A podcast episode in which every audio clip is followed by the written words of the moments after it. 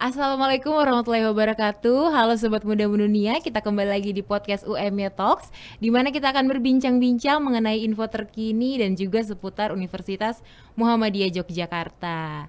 Nah, untuk episode kali ini sobat muda mendunia sudah hadir bersama dengan saya salah satu orang tua dari mahasiswa baru UMY angkatan 2022 Bapak Rohmat Witono. Assalamualaikum Bapak. Waalaikumsalam Mbak Aisyah. Boleh disapa dulu Pak sobat muda oh, mendunianya? Ya, uh, salam UMY muda mendunia sahabat muda mendunia. Oke Pak, mungkin ya. pertama boleh diperkenalkan dulu uh, nama, orang tua dari siapa dan asalnya. Iya, terima kasih Mbak Aisyah untuk yang pertama kali kami sampaikan khususnya pada UMY dan Mbak Isya juga terima hmm. kasih untuk kesempatan pada kesempatan siang hari ini ya, langsung saja untuk nama saya Rohmat Witono hmm. orang tua wali dari Safira Arfa Aska hmm. uh, tinggal di Temanggung Jawa Wah. Tengah bagian tengah untuk tinggalnya gitu.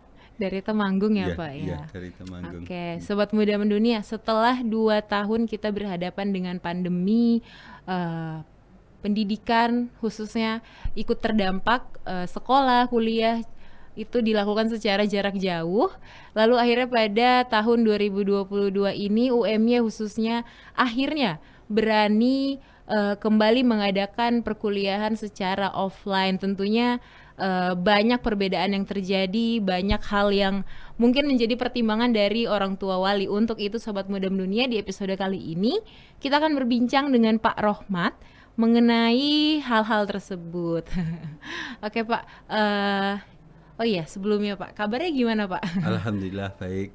Hmm, tadi habis ikut acara silaturahmi orang ya, tua ya Pak? Iya Alhamdulillah dapat undangan untuk secara menyeluruh hmm. wali siswa dari mahasiswa baru Universitas Muhammadiyah Magelang karena relatif lebih dekat ya kita usahakan untuk menghadiri undangannya. Hmm, gimana Pak acaranya? Ya alhamdulillah bagus banyak informasi-informasi yang tersampaikan ke kita.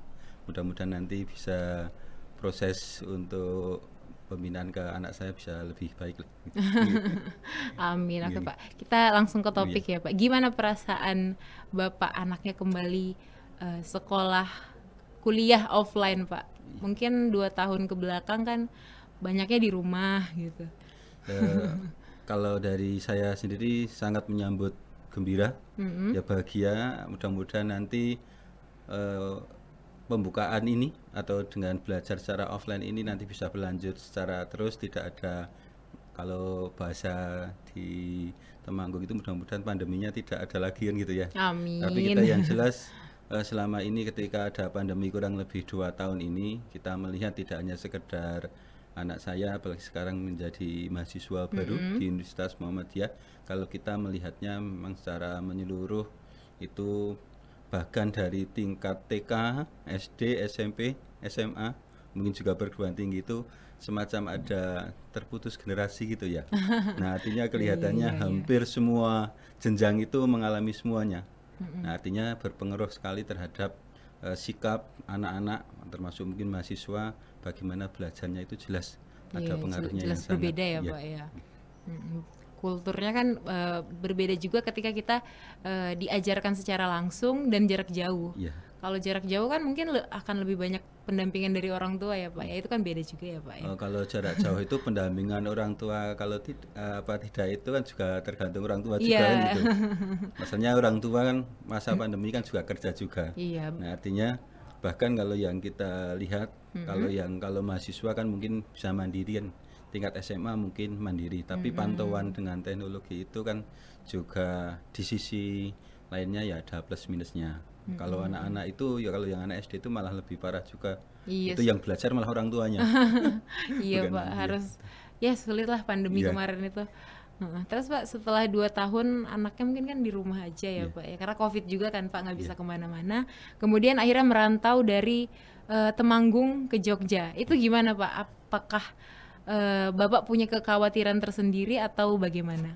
Ya kalau khawatir apalagi sebagai orang tua mesti tentu ada mungkin hmm. khawatir dalam bidang tertentu apalagi kebetulan uh, anak saya putri yeah. uh, tentunya mesti hal-hal tersebut mesti ada tapi tentunya harapan besar eh, kita berupaya apalagi di Universitas Muhammadiyah Yogyakarta lingkungannya insya Allah mudah-mudahan sesuai dengan ekspektasi saya lingkungan yang islami. Dan kita juga menempatkan anak kebetulan kita juga apa tinggalnya di kos kita upayakan kos yang juga ada orang tua di tempat. Artinya paling tidak kita bisa mengontrol anak-anak walaupun mungkin bisa menitipkan lah kepada orang tua kos walaupun aduh ya sederhana kan gitu berarti ya itulah ya Pak ya Pak kekhawatirannya. Kalau untuk dari eh, kembali kuliah offline dan maksudnya berkumpul dengan banyak orang tuh ada kekhawatiran tersendiri nggak Pak? Eh, sebenarnya di sisi yang lain bukan kita anti dengan ilmu pengetahuan atau anti dengan ilmu kesehatan tidak gitu ya. Saya kebetulan me- ini apa adanya ya, Iya. jujur itu gitu. adanya. Silakan, Pak, monggo. Walaupun kadang di sisi yang lain tentunya eh, kita pun menghormati dengan ilmu kedokteran juga karena sudah berupaya bagaimana menjaga lingkungan dengan sehat itu kan juga kewajiban juga dan berat juga. Tapi selama ini kita sering melihat tapi ini karena apa? Karena saya bukan karena latar belakangnya tidak pernah memahami ilmu kedokteran gitu ya. Itu selama ini kalau melihat apa komunikasi lalu lalang orang itu apalagi sudah sangat intens seperti ini kemudian kenyataan di lapangan itu kelihatannya insya Allah pandemi itu akan menjadi apa kekebalan tersendiri terhadap masyarakat. Contoh kalau saya praktis itu eh, malah melihat di pasar gitu.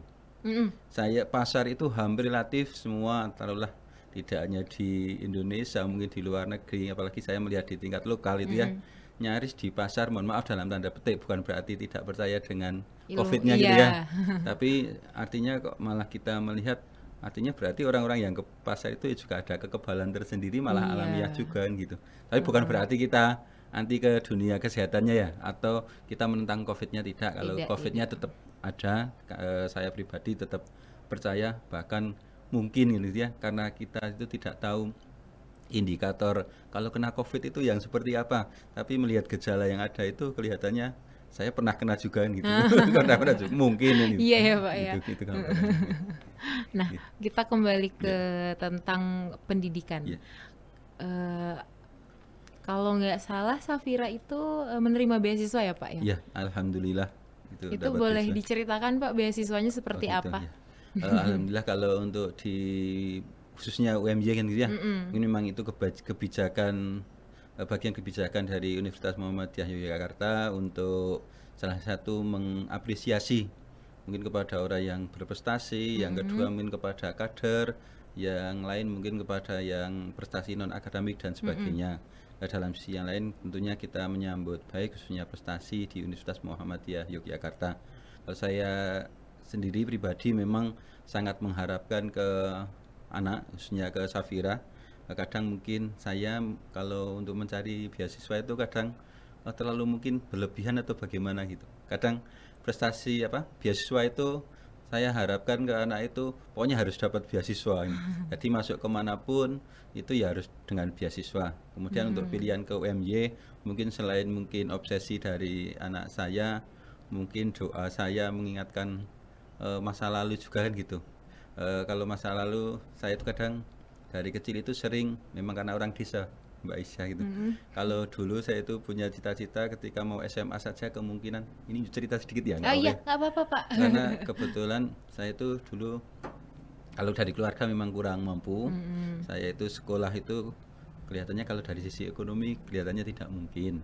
Kemudian alhamdulillah waktu itu ada kepala sekolah eh, melihat mungkin melihat saya padahal ya juga nggak belajar juga kurang anu juga belajarnya.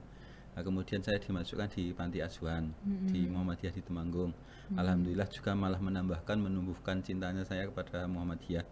Itu untuk saya. Kalau untuk Safiranya terkait dengan beasiswa memang silahkan kalau mau ke kampus yang prestisius gitu ya termasuk Universitas Muhammadiyah kan tidak hanya nasional Iya, kan iya, juga Pak. internasional.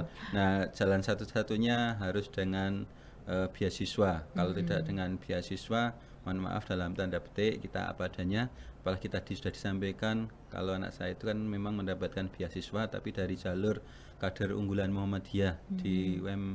UMY ini dinamakan kaum gitu. Hmm. Jadi memang eh, kita mencoba ya apa sesuai dengan kemampuan anak saya, potensi anak saya di mana. Karena kita melihat eh, peluang yang diberikan, kesempatan yang diberikan oleh UMY itu beasiswa itu kan banyak. Ada prestasi mungkin ini untuk siapa saja yang sekolah tidak hanya Muhammadiyah, mungkin sekolah negeri atau sekolah yang lain itu bisa masuk dengan jalur prestasi itu. Kalau kita melihat anak saya itu karena senang kegiatan, kalau prestasi mungkin mudah-mudahan nanti besok bisa meningkatkan gitu ya. Kemudian yang kita ambil memang yang kita pilih yang jalur kader. Karena apa? Karena memang anak saya alhamdulillah sejak SMP, S- SMP itu di pondok ya kegiatannya aktif tapi di- ternyata di pondok itu plusnya memang bisa mengaji, tapi untuk kegiatan mungkin ada yang kurang maksimal. Di tingkat SMA eh, kita di SMA Muhammadiyah kebetulan sudah aktif dari kelas 1. Kemudian sebelum selesai SMA itu sudah aktif di Ikatan Pelajar Muhammadiyah di daerah Temanggung dan sekarang menja- semacam menjabat kayak jabatan saja, Pak. Menjadi sekretaris di Temanggung. Nah, makanya ini juga harapannya ya tetap nanti saya berharap mungkin dalam satu semester atau satu tahun ini tetap IPM di Temanggung harus diselesaikan. Mm-mm. Karena dari UMJ juga ada tuntutan harus aktif di IMM dan saya itu ya sangat setuju sekali kalau anak saya Iya. berhikmat di IMM betul, gitu. betul. Iya. Betul betul berorganisasi Iya. itu penting pak. Iya. Kuliah penting, pendidikan penting, cuman Iya. organisasi juga kalau menurut saya pribadi penting untuk relasi, Iya. untuk ya untuk ya hal-hal yang lainnya lah pak penting. Oke, terus pak eh, apa sih pak latar belakang eh, memilih UMY sebagai tempat Safira melanjutkan pendidikan atau mungkin eh, apakah ada andil dari bapak atau ibu dalam pemilihan eh, universitas dan prodi? Eh, kebetulan memang untuk masalah andil, potensi dan sebagainya, kadang ya sebagai orang tua melihat anaknya punya cita-cita tinggi ya memang kita harus andilnya ya mendukung, berdoa kan gitu ya. Iya. Kita sebagai orang tua mendoakan. Tapi kalau untuk yang ke UMY memang eh, kalau saya pribadi terlepas apa pun universitasnya khususnya yang Muhammadiyah tapi apa pun mendengar nama saja kalau sudah mendengar Universitas Muhammadiyah memang ada rasa tersendiri tapi khususnya Universitas Muhammadiyah Yogyakarta memang termasuk kadang di sisi yang lain mungkin jawaban dari Allah juga Pak kan itu. Saya eh, di UMY itu dulu pernah kan ikut IPM juga. Kebetulan saya aktivis tapi tingkat daerah. Nah, dulu kan Iya. pernah muktamar di UMY juga kan gitu. Oh. kadang melihat oh, UMY bagus ya. Kalau besok ada keluarga yang bisa melanjutkan di UMY kok kelihatannya seneng juga kan gitu. Ternyata ya anaknya ternyata pak. anaknya. Nah, kebetulan kan eh, saya kebetulan kan juga ngomong ngajar anak di sekolah juga Oh. di SMA Muhammadiyah Temanggung kan. kadang kalau melihat apa anak-anak yang bisa melanjutkan ke UMY itu ada bangga tersendiri dan termasuk kadang ya ada dalam hati mudah-mudahan anak saya bisa masuk Eh, ya, walaupun kadang berpikir tapi masuk ke UMY itu kan kelasnya kan kelas tapi alhamdulillah kok ada kesempatan Alhamdulillah, gitu. iya. Alhamdulillah. Berarti Iya. memang udah jalan dari Allah Ya, Pak rezekinya. Safira Iya. juga ya Pak Iya, ya. Oke. Terus Pak apa sih Pak kesan pertama Bapak mengenai UMY? Mungkin eh, dari yang kemarin muhtamar itu atau mungkin tadi setelah silaturahmi ada kesan tersendiri. Kalau kita sebenarnya kan kalau ke UMY kalau kesan tersendirinya Insya Allah untuk UMY apalagi saya bapak-bapak dosennya pimpinannya kan gitu ya yang Insya Allah kita banyak yang familiar lah kan gitu walaupun mungkin tidak ketemu secara langsung eh, termasuk dulu kan Pak Haider kan juga UMY juga kan. Termasuk ada PBN-nya ada Pak Agung Danarto Iya, betul. lebih familiar. Artinya sebenarnya eh, bapak-bapak dosen itu kan kalau di tempat saya kan ada kajian kuliah subuh at pagi itu. Memang saya cinta dengan Muhammadiyah dengan UMY itu memang sudah sebenarnya sudah lama juga. Khususnya dengan UMY itu ada bangga tersendiri. Muhammadiyah ternyata juga punya kampus punya universitas yang ternyata juga bisa mendunia juga kan seperti itu itu kebanggaan tersendiri iya, kan iya, gitu Iya, iya. Iya, iya. Oke. Terus Pak eh, harapan Bapak untuk UMY ke depannya seperti apa sih Pak? Kalau saya pribadi karena memang saya itu sudah lama berhikmat di Muhammadiyah gitu ya. Walaupun kadang di sisi yang lain kalau ada rasa sesuatu tetap tetap cintanya kalau kembali ke Muhammadiyah kan tetap cinta. Tapi kemudian untuk terkait dengan harapan dengan UMY, harapannya tentunya sangat besar kalau khusus ke anak saya yang kuliah di sini nantinya harapannya mudah-mudahan uh, doanya juga Mbak Aisyah mudah-mudahan yeah. nanti bisa minimal mengikuti Mbak Aisyah. nah saya uh, minimal kalau saya mungkin ekspektasi ekspektasinya juga mungkin terlalu berlebihan, tapi itu kan harapan juga. Iya, namanya uh, doa orang yeah. tua Pak pasti Insya Allah dijabah Allah yeah, yeah. Pak. Nah harapannya mudah-mudahan bisa menjadi duta Muhammadiyah dalam hal ini entah nanti mau di IMM-nya, nanti meningkat nanti di NA-nya hmm. atau syukur nanti ke depan di Aisyah yang minimal bisa menjadi dutanya Muhammadiyah sesuai dengan kemampuannya anak saya gitu. Amin. itu harapannya. Mungkin terlalu muluk-muluk gitu ya. Nggak apa-apa iya. pak namanya kita berharap kita yeah. berdoa. Uh, mungkin yang terakhir pak pesan yeah. untuk uh, Safira dan untuk sobat muda mendunia di rumah oh, bagaimana pak? Ya, terima kasih untuk anak saya Safira Arfaska dan tentunya juga sahabat muda mendunia, mendunia di mana saja berada uh, terutama yang mendapatkan beasiswa. Kenapa ini kok kita uh, garis bawahi gitu ya? Uh, monggo nanti untuk beasiswa untuk Safira dan teman-teman tidak hanya beasiswa kaum, beasiswa tafid dan prestasi untuk bisa dilaksanakan dengan sebaik-baiknya, mm-hmm. menimba ilmu secara maksimal. Mm-hmm. Harapannya juga nanti tidak hanya sekedar yang mendapatkan beasiswa, bahkan mahasiswa reguler saja. Uh, saya berharap nya itu nanti muncul bintang-bintang yang mendunia dari Universitas Muhammadiyah Yogyakarta untuk sahabat dunia mendunia mm -hmm. nah, mudah-mudahan nanti semuanya benar-benar dari Universitas Muhammadiyah Yogyakarta itu bisa menjadi kader bangsa kader umat kader persyarikatan Muhammadiyah itu harapannya. Oke, okay. amin.